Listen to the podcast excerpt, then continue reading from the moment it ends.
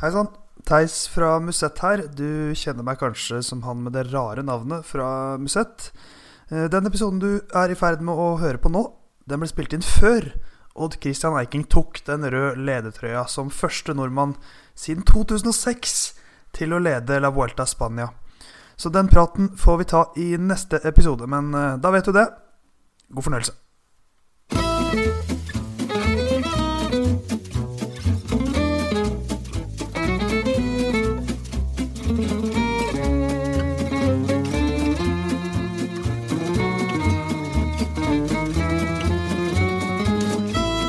Musett dundrer tilbake med en heidundrende episode, hvor 86. i rekken, så vidt jeg vet. Theis, det er mitt navn. Jeg er programleder. Såpass flott har det blitt i denne podkasten.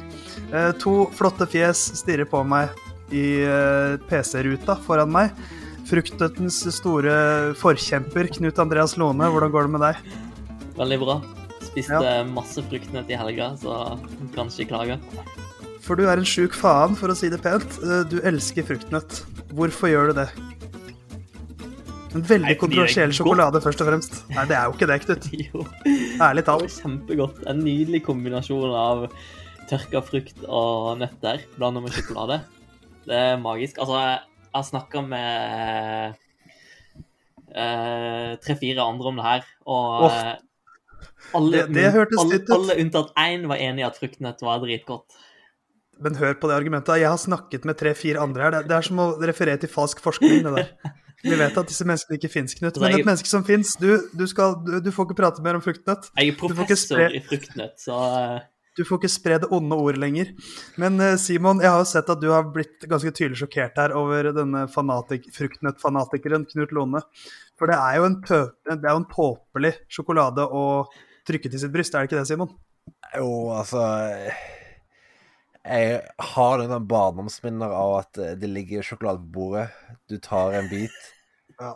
og så oppdager du halvveis, at det, halvveis i biten at det er fruktnøtt, og det er bare en så vanvittig stor skuffelse at uh, Nei, eh, det er helt, helt håpløst. eh, Og at Knut eh, er en politiker som viser til at man har møtt noen folk altså det, Ikke sant? det er jo helt Vanlige eh, folk liker fruktnøtt, sier, sier Knut. Det er, helt, det er bare bullshit. OK, for uh, Du har ikke lov til å snakke om fruktnøtt lenger. Nei, det er greit. Jeg skal spørre om noe annet nå. Boller med rosiner, da. Hva syns gutta om det? Det syns jeg er mer eh, Det har mer enn plass i samfunnet. Jeg syns det er helt krise. Ja, det er ikke sant? Det gir jo ikke mening engang at du liker Du elsker, du elsker rosiner i sjokolade, men ikke bakverk. Hvor er logikken, Knut? Eller har du en tre-fire venner som har forska på dette og mener at det funker? Ja, vi snakket litt, Jeg snakket litt om det med noen folk jeg var på tur med i går. Der, var, der, var, der var alle enige at uh, boller med rosiner var en forferdelig dårlig idé. Jeg er for så vidt enig i det, men det er litt fordi eh, jeg òg i min barndom eh, hadde Vi fikk servert eh, rosiner som, eh, som eh, slags godteri når jeg var sånn eh, fem-seks. Eh, jeg spiste meg litt lei av rosiner og har egentlig aldri likt det siden, så Du har hatt en ganske traumatisk barndom, Tasta. Men det kommer eh, i neste episode av Barndomspodden eh, og Sjokoladepodden, som er vårt neste prosjekt. Um, eh, Vi skal legge fra oss den her, for det det blir for kontroversielt, rett og slett. Så det får eventuelt bli et tilbakevendende tema, for jeg tror ikke vi klarer å legge den helt død. Men noe vi må snakke om som er mer gledelig, som vi alle kan være enige om at dette er gøy, det er Tord l'Avenir. For i rittet som eh, kan oversettes til norsk eh, Tour de Fremtid, faktisk, som det vel eh, kan, kan kalles, eller Ungdommens Tour de France, som det blir kalt på folkelig. Fem norske etappeseiere. To til Søren Wernskjold, én til Anders Halland Johannessen, to til Tobias Halland Johannessen, og så ble det jaggu norsk sammenlagtseier til slutt også, med syv sekunder ned til Carlos Rodriguez og 2.05 ned til Filippo Zana. For andre Tour de l'Avenir-utgave på rad så er det altså en nordmann med fornavnet Tobias som vinner. Ehm, og jeg vil ikke at Knut skal få første ord nå, for han kommer bare til å snakke om fruktnøtt. Men, eh, men eh, Simon, det her var et stort norsk sykkeløyeblikk. Gjennom hele uka, egentlig. Hele uka, hvis det kan kalles et øyeblikk. Ja, det var eh, det var rett og slett veldig, veldig imponerende. Uh, det var nesten like imponerende som, uh, som kommenteringen av kilometerne, som var Altså, det var jo en dramaturgi i det hele som var helt fantastisk, og i hvert fall sånn sett med norske øyne når det, når det ender som det gjør. men som du sier, Theis, altså fem norske etappeseiere og sammenlagtseiere. altså det er, jo, det er jo et helt spinnvilt eh, ritt eh, generelt av det norske laget. Eh, det kan jo godt være at Wernskjold hadde tatt en etappe til hvis han ikke hadde velta ut. Altså, det, det, er et helt eh, rått nivå på, på, det. Og du ser på denne nest siste etappen Der ser du virkelig hvor sterkt det laget er. Altså, når de sitter Når TV-sendingen kommer på, og du ser tre mann i front, og, og Tobias Halland Johannessen litt lenger bak i, i gul trøye. Eh, og du ser Jonas Iversby Widerberg eh, kjøre opp eh, Glandon til det er ja, til det var seks-syv mann igjen. Altså, det det er veldig veldig høyt nivå på, på, det det norske laget gjør. og Det er jo et et resultat av et, et godt langsiktig arbeid. Og det at en har begynt å få fram nå i ganske egentlig lang tid, begynt å få fram gode klatrere. Det, det er jo en, en, trend vi har sett i, i lang tid, og, og nå det, det, ja, det, gir resultater. Ja, glem, glem. Vincenzo Nibali, haien fra Messina. Nå er det Drøbaks store sønn! Ja, det var magisk kommentering. Eh, og så sjukt spennende. Og vi var vel alle gjennomsvette etter den uh, siste etappen. Og det er jo bare en helt enestående prestasjon. Det er jo ikke så mye mer å si, egentlig. Uh, som Simon er inne på, så har vi sett konturene av det gjennom det siste tiåret. Vi hadde Oskar Svendsen oppe i toppen i sammendraget i 2013. Sindre Lunke var oppe i 2015. Og så har UnoX kommet inn i norsk sykkelsport og virkelig kultivert de her eh, klatretalentene. Tobias Foss hadde to gode Tour de l'Avenirs før han endte opp med å vinne. Og da markerte jo et sånt skifte, en ny æra i norsk sykkelsport. Men Vi tviler på at det er noen som hadde sett for seg at vi skal ha to sammenlagtseiere på rad plutselig. Ja, for jeg husker hvor av hengslene altså, vi gikk da f.eks. Oskar Svendsen ble nummer fem. Da var det liksom Yes, nå skjer det. Nå skjer det. Nå skal vi vinne Tour de France. Det var litt sånn stemning jeg satt med, i hvert fall. Men så, så tar det jo tid, og så er det som du sier, at dette, dette er på en måte kulminasjonen av et, et langt stykke med arbeid uh, uten fruktnøtt. Det er liksom bare god uh, og jevn progresjon. Uh, og det som er så spesielt er liksom, altså Vi husker jo Tobias Foss sin seier for to år siden var enormt. Det var en veldig sånn kontrollert seier. Det var liksom aldri Men, men det var jo ikke en sånn dominerende seier, mens her er det jo fullstendig domin, dominans. Eh, så ender det jo nesten i et mareritt. For det blir litt sånn panikk på siste etappe med altså Rodriguez, som gjør jo en vanvittig prestasjon. Eh, og herlig offensiv sykling fra Spania der. Men, men så redder man det inn. og det er på en måte neste steg, da. Og det er som, også det, det som er så bra med disse Hallen Johansen-gutta, er at de har De er ikke bare ekstremt kjøresterke, men de har det rykket og den akselerasjonen som du ser avgjør de største sykkelrittene nå. Så um, Men det som det, det, på en måte the silver lining i den grusomme siste etappen, som var jo helt fryktelig å se på, uh, men som endte lykkelig, det er jo at vi vet mye om det fysiske potensialet, men den mentale prøvelsen det der var for Tobias Hallen Johannessen, å sitte i 15-16 km alene og få stadig mer negative sekunderinger. Det må ha vært et, noen, noen, mørke øyeblikk inni hodet til Tobias der. Men å klare å redde det inn, det er så enormt. Jeg vet liksom ikke helt hva jeg, hva jeg skal si om det. Jeg snakka jo litt med Stig Kristiansen, og han snakket litt om det med rutinen og hva de Johannessen-brødrene har å lære. da. Han sa jo at Tobias ble ganske stressa av den situasjonen og gjorde noen valg Eh, som f.eks. å ikke vente inn eh, ryttere som var like bak for å få ekstra hjelp, og måtte sitte og kjøre veldig mye alene. Eh, men han sa samtidig at de var ufattelig flinke til å plukke opp ting raskt og lære ting. Og Tobias kunne jo fint knekt sammen på måten han endte opp med å måtte kjøre, med å bare sitte og taue sjøl. han kunne ha begynt å stresse med å kjefte på de andre for hjelp, men han bare ga gass og sto i det. Og det viser jo hvor tilpasningsdyktig både han og broren er, måten den Torde Lavnien rett og slett blir redda på der. Ja, altså det han, han, han, har jo sagt sjøl at han mista troen på det underveis, og så kom liksom tilbake. til det gikk litt sånn fram og tilbake. Og, og klart det er mye tanker som, som surrer når du er i en sånn situasjon, og spesielt når han ikke sitter mann mot mann, men sitter der med, med fire-fem mann på hjul som, uh, som, egentlig bare vil se han lide så mye som mulig. Og så det, norske laget spurte jo pent de andre, ifølge Arne Gunnar Jensrud, spurte pent de andre lagene om de, de, kunne bidra litt. Og Steinhauser for Tyskland i tok et par føringer. Riktignok økte farten litt, sånn at det kanskje ikke helt var ideelt, egentlig. Men, men det er jo Nei, det er fascinerende å se på. Det nivået Tobias Salan Johannessen viste på de to første fjelletappene. Der viste han jo at han var ganske klart best. og så ble det norske lag satt ganske kraftig under press på den siste, da.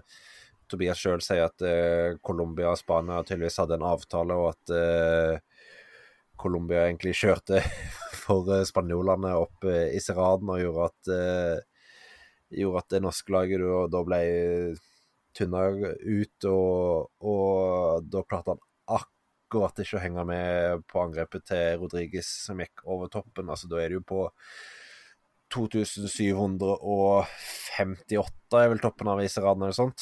Eh, det er jo litt uprøvd terreng, det òg, i seg sjøl. Eh, og, og sykle landeveisritt eh, så høyt oppe, det har, vel, det har vel ikke Tobias Halland Johannessen gjort før. Eh, og så får han jo en god lærdom av det til neste gang, og vet eh, mer om det. For, for, altså, han Nesten alt han gjør nå, er jo for første gang. Han er jo Det er hans første virkelig sesong på landeveien, og da å klare å ta Både han og tvillingbroren ta disse stegene så raskt Altså opplagt, de har en fysisk kapasitet som er der i bånn. Eh, de har en eh, de har, en, eh, de har fysiske egenskaper som er, som er ganske sånn De er ganske rå, da. Men det å klare å løse alle sånne koder og problemer som oppstår Ja, du løste det kanskje ikke perfekt. Altså, Tobias har jo sjøl sagt at han som du var inne på, Knut, at han stressa mye underveis. ned fra Iseran. fikk ikke noe hjelp begynte å føle at han eh, på en måte Alle var mot han, eh, mente at spanjolen eh, prøvde å kjøre han ut av veien. Altså, det, det, det er jo mye som skjer i et sykkelritt. Men det virker som om alt du kaster etter de tvillingene, at de, tvillingene, at de klarer å løse det. De klarer å finne måter å, å løse problemene på, selv om det er første gang de er i en sånn situasjon. Så det er veldig det blir jo veldig spennende å se den utviklingen når de nå får erfaring, de får rutine, de vet hva de på en måte tåler, de vet hva de, de, vet hva de kan gjøre i mye større grad for uh, det fysiske potensialet som er i bånn. Det er jo Ja, det, det, det er lovende. Men da er spørsmålet, Knut. Eh, veien videre for Hane Johannessen-tvillingene. Vi vet jo at den er i UnoX. De har signert en treårskontrakt der. Um, hva får vi se av dem neste år, tror du? Tja, godt spørsmål. Uh... Takk. Utdanna journalist. Nei, altså, de må jo uh, fortsette å bli testa litt på de områdene de ikke er så rutinerte på det uh, fortsatt. Og, sånn at de kan fortsette å vokse og få rutin. Uh, kommer det selvfølgelig litt an på Eh, rittprogrammet UnoX får. Men vi ser jo i år at de har fått plenty av bra ritt til å matche seg i. Eh, så er det jo bare å fortsette å vokse og ta stegene og herje på. Eh, så blir det spennende å se hvor mange World Tour-lag som står og banker på døra allerede nå. Uno X er vel ikke helt fremmed for å slippe ryttere til større lag hvis de vil, da. Men det er mulig Halland Johannessen-brødrene tenker at det er litt tidlig òg nå, når det er bare deres første sesong på landveien. Ja, vi får uh, Jeg føler meg ganske trygg på at de blir værende i et norsk lag en ganske god stund.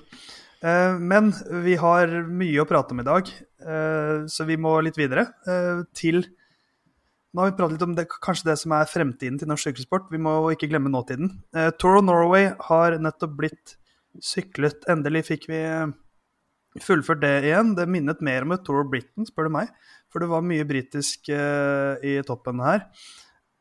Eh, jeg må også da si at jeg har hatt fullt fokus på både Tour Lavenir og Vuelta Spania, som er det jeg jobber med. Så jeg har ikke sett så mye av Tour of Norway. Men jeg har fått med at Matthew Walls vant eh, siste etappen. Ethan Hater de to første, og Mats Pedersen den tredje, Ethan Hater, er et litt sånn skjult Jeg føler det er et talent som har ikke gått under radaren, men som ikke har fått like mye oppmerksomhet som han kanskje fortjener. For det er ikke noen hvem som helst som, som vinner her, og, og, hvem som vinner siste etappen, er også fersk olympisk mester i omnium. Så det er jo ikke, og, og, en verdensmester som vinner den tredje etappen. Så det er jo ikke noen hvem som helst som slår de norske her, men ikke tidenes beste norske utgave av Tour of Norway, eller hva, eh, Knut? Ja, kanskje Mella spør Tasta om det. Han har litt bedre koll på akkurat det der. ja, du har, Knut har vært for opptatt med å spise fruktnøtt, så ja. Simon, hva tror du?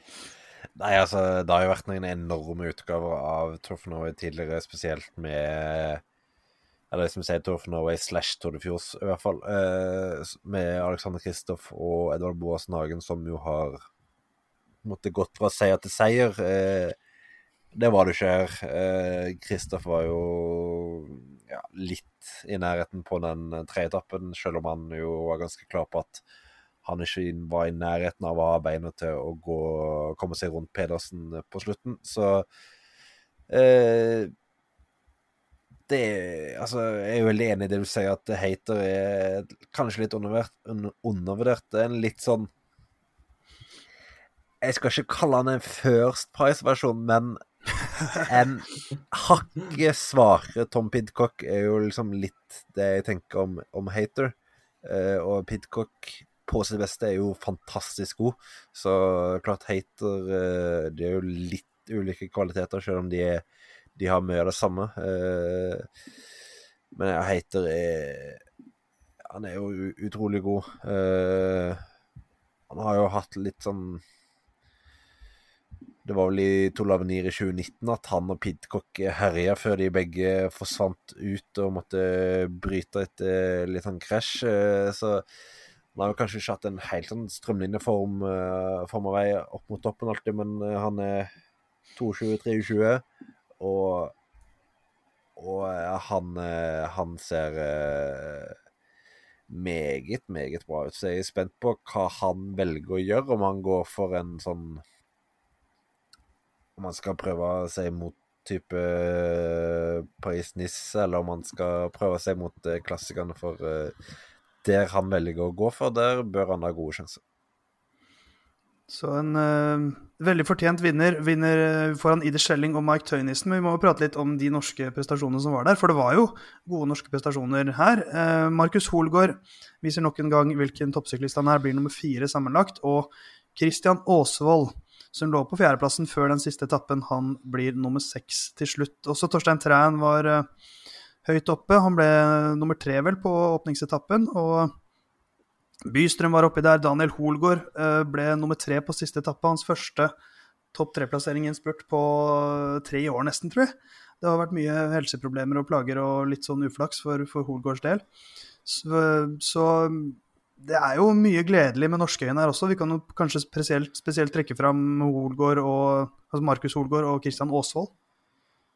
Ja, altså jeg syns eh, det er mye, mye positivt å, å, ta med seg for, fra, for, de norske lagene og norske ryttere. Eh, det var jo en utgave som kanskje var hakket for tøff for en rytter som, eh, som Alexander Kristoff, og da nå har jo ikke akkurat han vunnet, vunnet så mange ritt eh, det siste året, men Men eh, av de andre norske rytterne så er det jo ingen som, som har vært vant til å vinne store seire ganske jevnlig. Det er jo Markus Holgaard som har eh, som har klart å vinne to etapper i, i, Arctic Race, som liksom har klart å bryte den barrieren eh, litt i de norske proffrittene ellers. Eh, så det er jo mye gode resultater. X, viser seg som et sterkt kollektiv gjennom hele uka. Eh, Coop viser at eh, de har et par ryttere som holder, holder veldig høyt nivå. Kristian Aasvold har jo vært i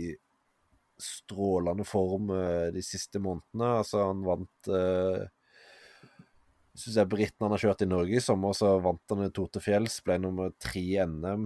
Uh, ble nummer ble nummer fem i Arctic, uh, og så nummer seks her. Det er, det er jo en ganske imponerende rekke, det. Ja, hva, hvor, hvor, går veien videre? Eller hvor, hvor bør, hva bør skje med Åsvold, eh, Lone? For han, han, han, luktet jo så vidt på profflivet i fjor med i Rival, som var et synkende proffskip i en sesong som var veldig vanskelig. Men uh, vært mange år i Team Coop nå, uh, og er nå blitt 26 år gammel. Men han er jo mer enn god nok for en proffkontrakt, er han ikke det?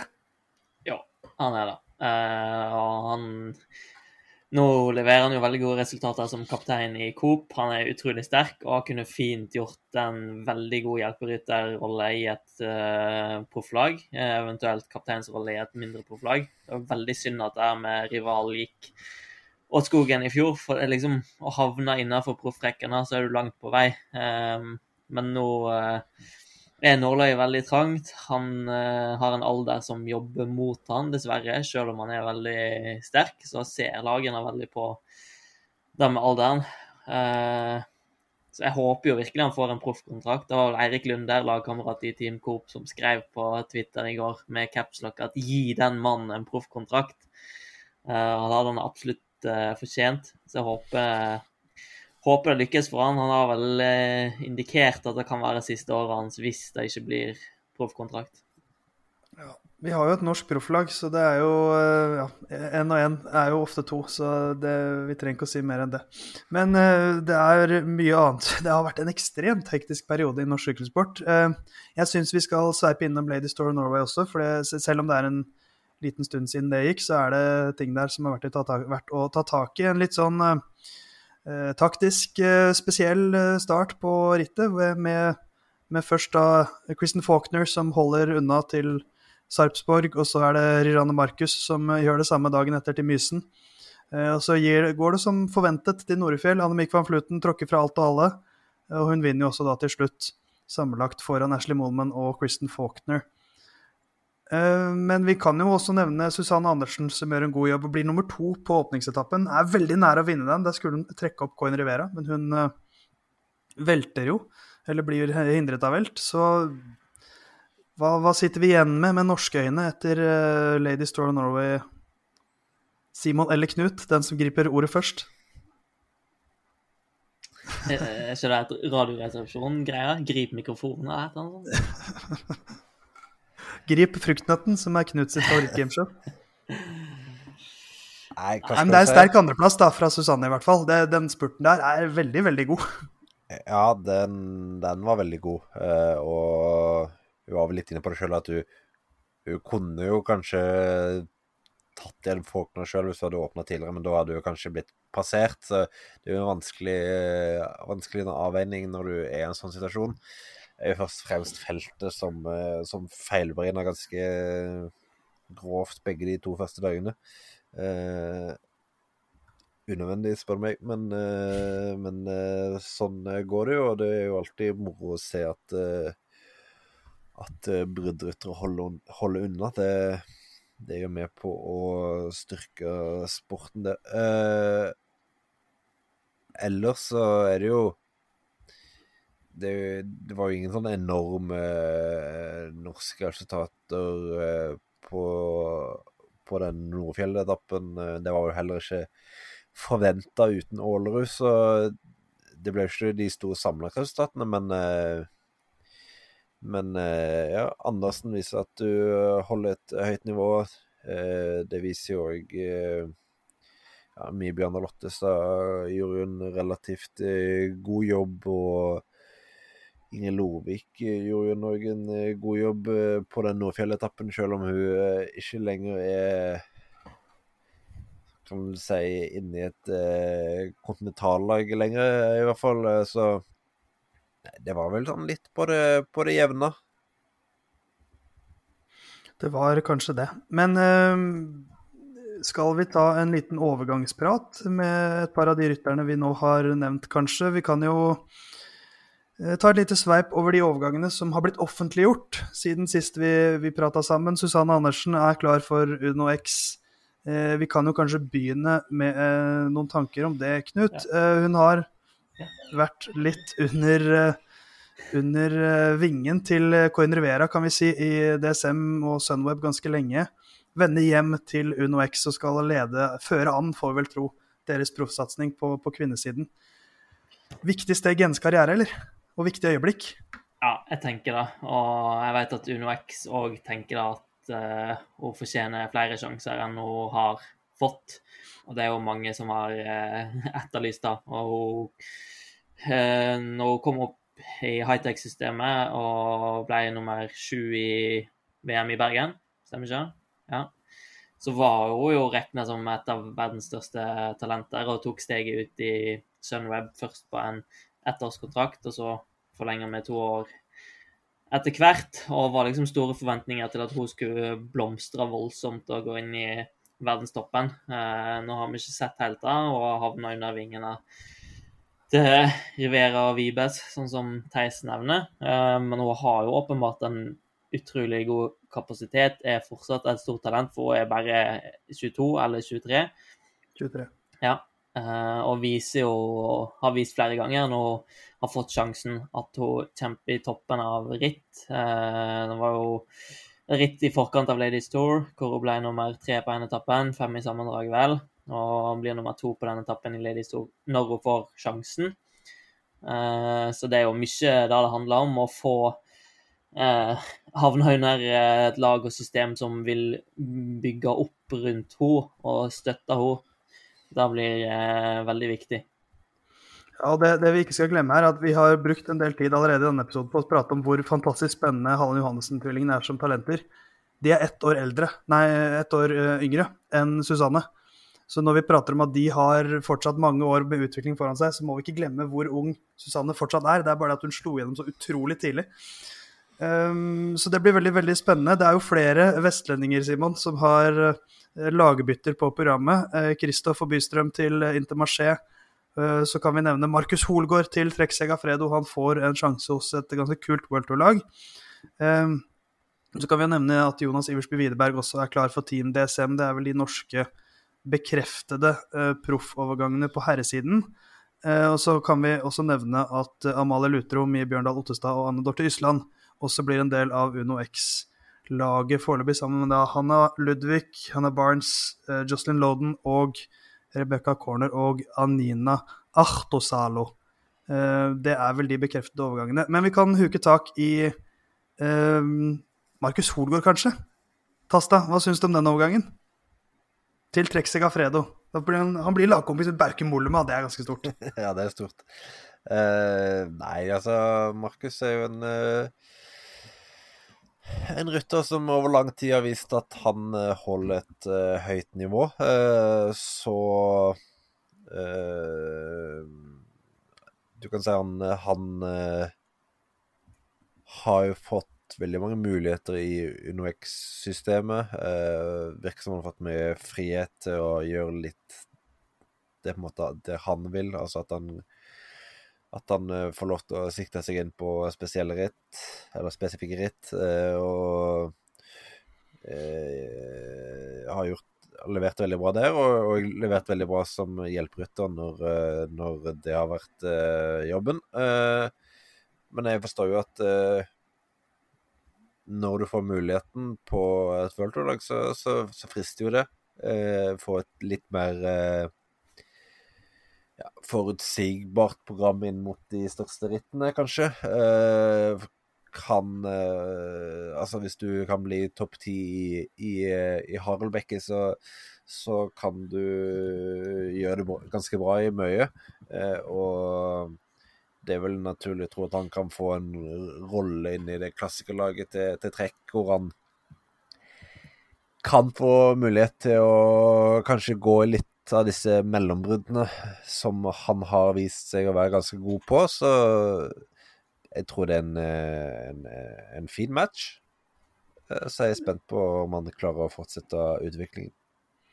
Trexia Fredo er jo et lag som tradisjonelt sett har vært ganske flinke på å ha en liksom flat lederstruktur på kapteinsfronten i klassikerne, så jeg, jeg, liker jo denne overgangen veldig godt. Og han, er, han blir 27 år gammel eh, i år, og vi pratet litt om alderen til Åsvold tidligere. Eh, vi vet jo at Uno X har ambisjoner, men jeg kan veldig godt forstå at Holgaard, som er en av de eldste rytterne i Uno X, velger å når han først får sjansen og nå er garantert uh, World Tour mer World Tour-erfaring, Eh, sannsynligvis får en sykling Grand Tour. Eh, det hadde vært en liten gamble å bli ved sin lest og bare stole på at Uno X tar de stegene de, har planer om. Eh, så jeg, jeg, jeg syns dette er veldig forståelig og fornuftig og et veldig spennende valg. Ja, han er jo inne i sin mest sannsynlig beste alder nå, da. Så det er jo som du sier, hvis han skulle vente, så kunne, er det en del risiko med det, og så løper plutselig de årene årene fra han. Eh, årsaken til at han bytter, er jo rett og slett mulighetene han får på World Tour-nivå.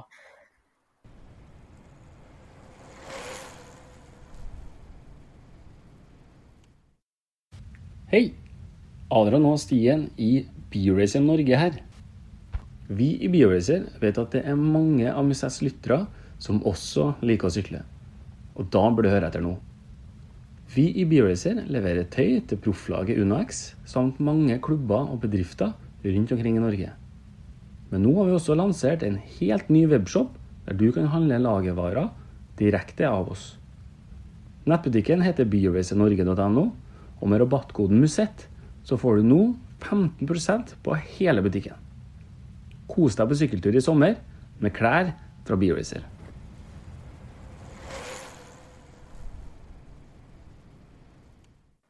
Jonas Irsby Widerberg, U23-europamesteren, som var fantastisk i Tour de l'Avenir, både som uh, road captain og i klatredelen, faktisk. Imponerende sterk. Jeg er spent på rollen hans. Uh, det virker som han Altså, det han helt fra juniorlandslagstidene så har jo han fått mye skryt for, for måten han har vært en veldig viktig brikke inn i et lag. Eh, det virker som han trives i en sånn road captain-rolle. Eh, og han har en kjørestyrke som gjør at han kan bidra på så godt som alle fronter.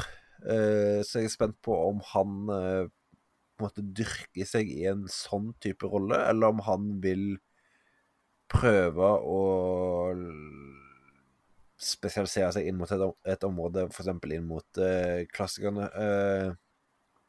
I en sånn road captain-rolle så tror jeg jo DSM kan være et veldig veldig fint lag for han, for der er det jo veldig I motsetning til, til trekk, så er det jo litt mer eh, Litt mer hierarki på hvordan det kjøres. og hvis han da får en sånn helt klar definert rolle som road captain, så, så tror jeg det er en rolle han kan uh, løse veldig, veldig bra.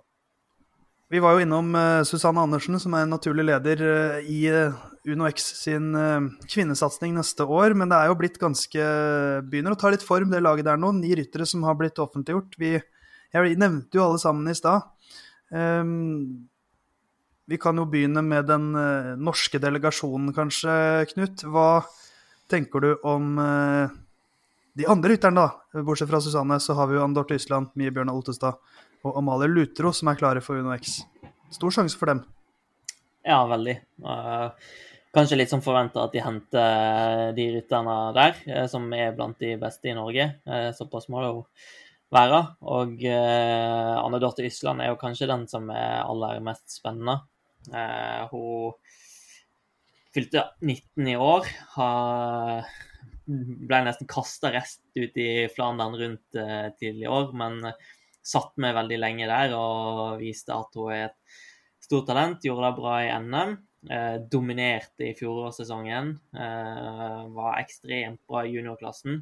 Eh, og er et av de mest lovende talentene i Norge. Eh, så det blir utrolig spennende å se utviklinga hennes videre. Uh, Mie Bjørnar Ottestad òg, klasserytter, vant NM i fjor. Var veldig sterk i NM i år. Har sykla for Andy Schleck-laget i, i, år. Uh, og uh, spennende signering der òg. Ja, det virker som de har klart å hente ja, ganske mange av de sterkeste norske guttene som var tilgjengelige, da. Uh, og samtidig syns jeg vel at det er greit at en ikke ribber på det norske markedet helt. Da. Så at f.eks. at Coop Hightech sitter igjen med, med Ingvild Gårdskjenn uh, som, uh, som, en av sine fremste ryttere, som jo ble beste norske rytter i, i Lady Store. Det er jo òg på en måte sunt for norsk kvinnesykling at vi har to lag med, med, profiler, sånn at det ikke blir, eh, blir veldig eh, ja, Blir et hull i systemet? Ja, at det ikke blir en så stor slagside, for det er viktig å ha litt konkurranse nasjonalt òg. Eh, og så virker det som om de eh, måtte har fått på plass en, eh, et lag som er Det er jo ingen sånn superstjerner, eh, hvis vi ser både de norske og, og, og de internasjonale navnene som er henta så langt, men at det er en del eh, spennende unge navn og et par litt mer rutinerte ryttere. Eh, så det virker som det er en, eh, et lag som eh, tar med seg litt av hvert. Eh, og eh, ja, jeg er jo veldig spent på å se utviklingen til, til Island spesielt. Uh, Lutro har vært uh, veldig god denne sesongen òg, uh, og det virker som om det er flere, flere norske ryttere som, som er i en god karriereutvikling, da, og som nå er på vei inn i UNOX-systemet.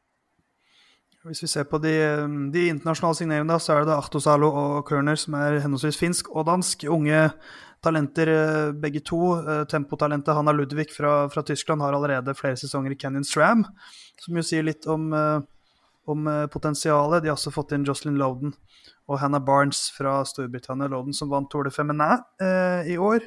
Og Hannah Barnes må vel sies å være den mest meritterte av eh, alle signeringene de har gjort. Så det er jo en tydelig leder, i hvert fall. Selv om hun har variert litt i prestasjonene, så, så er hun en rytter som har vist at hun henger veldig bra med på, på topp, topp, topp nivå.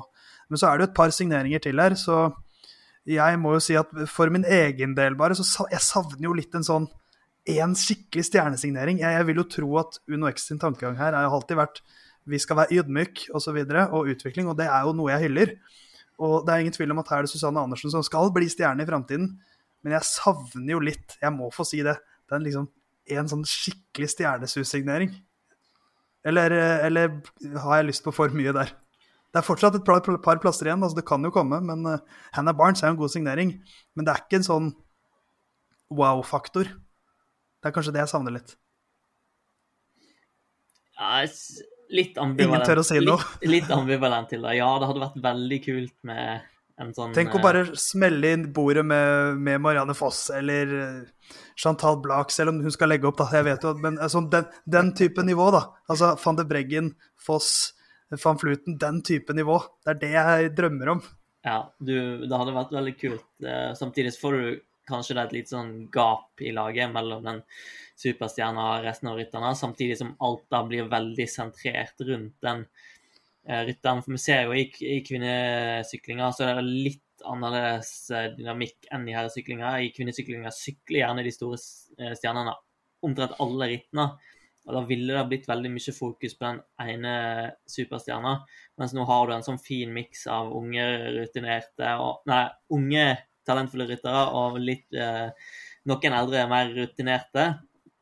Og så blir det litt sånn at alle kan få sine sjanser og kan få muligheten til å utvikle seg. Så jeg tenker den miksen er kanskje ganske grei å ha til å starte med.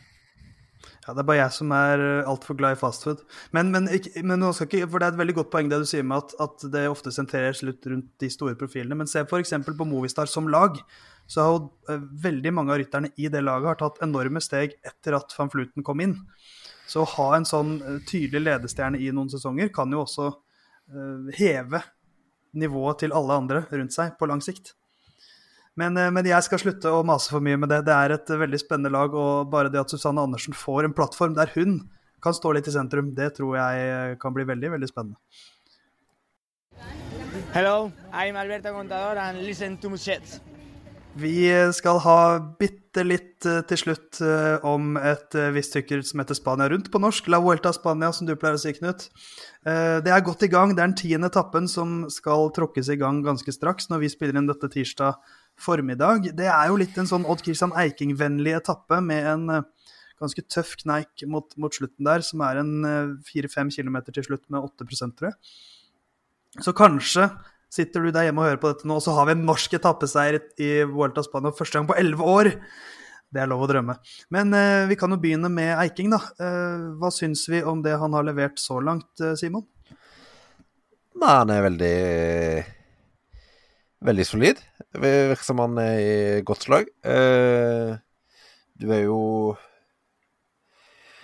Du er jo ikke i dårlig slag hvis du er topp eh, topp 20 i Vueltaen eh, etter, etter den første uka, så han gjør åpenbart eh, mye bra. Eh, og han har jo ikke vært i noe brudd for å måte vinne tid heller, så han, eh, han har jo bare gjort eh, sitt beste for å henge med så lenge som mulig.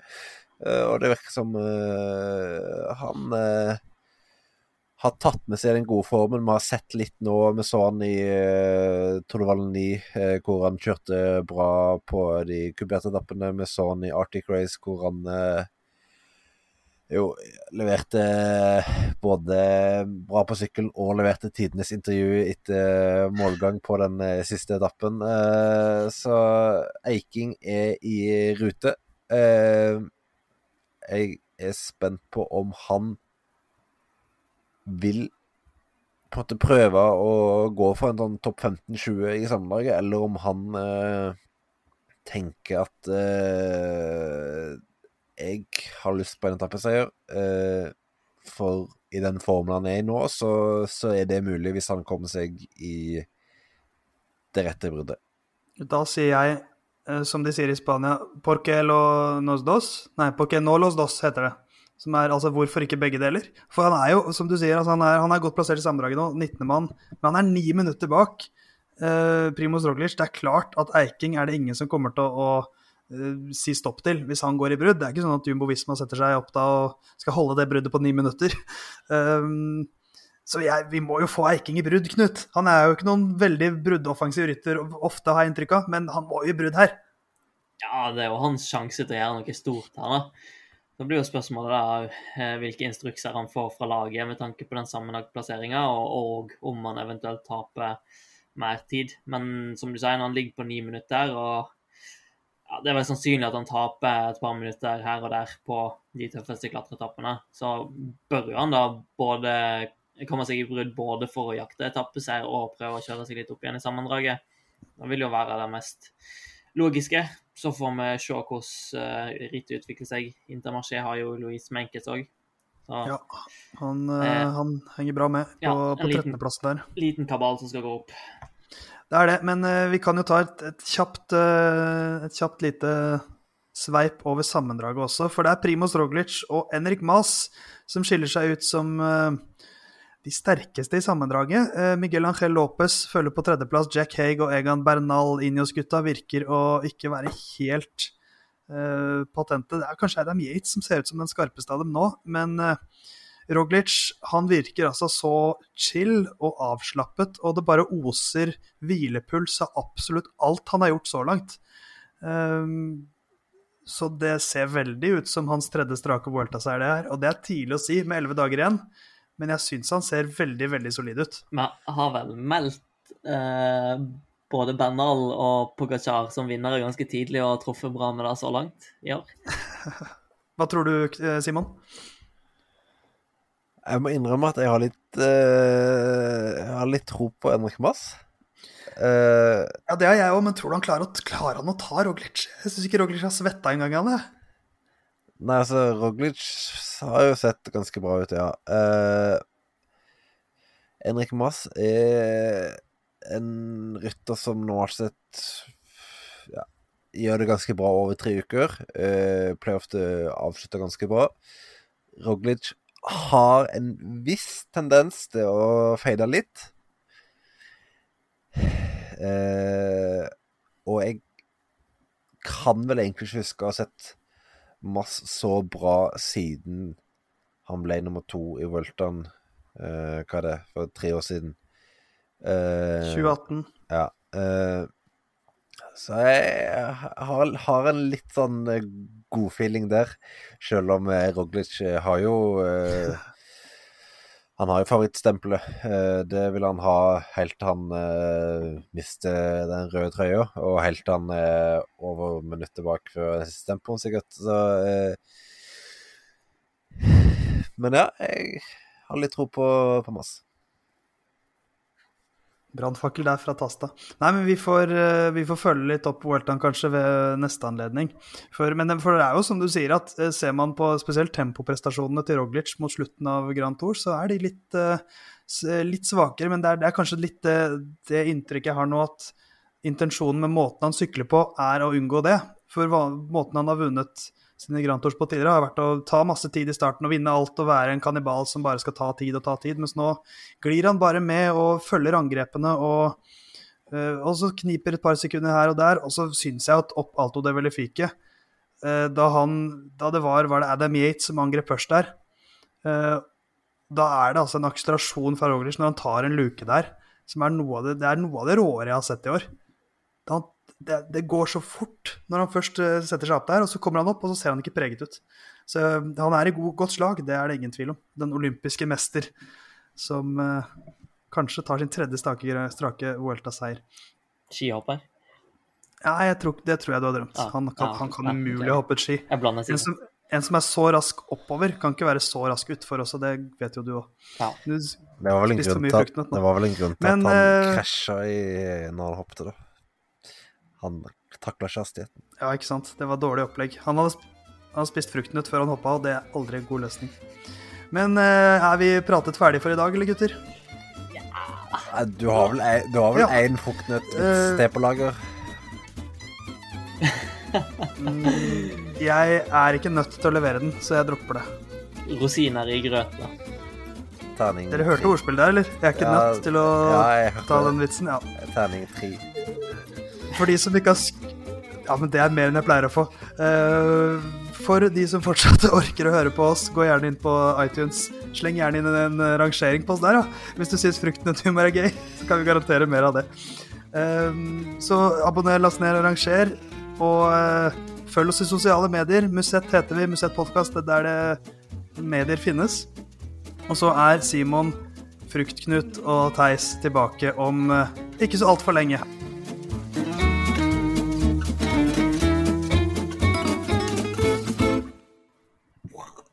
Ja, det var fryktelig.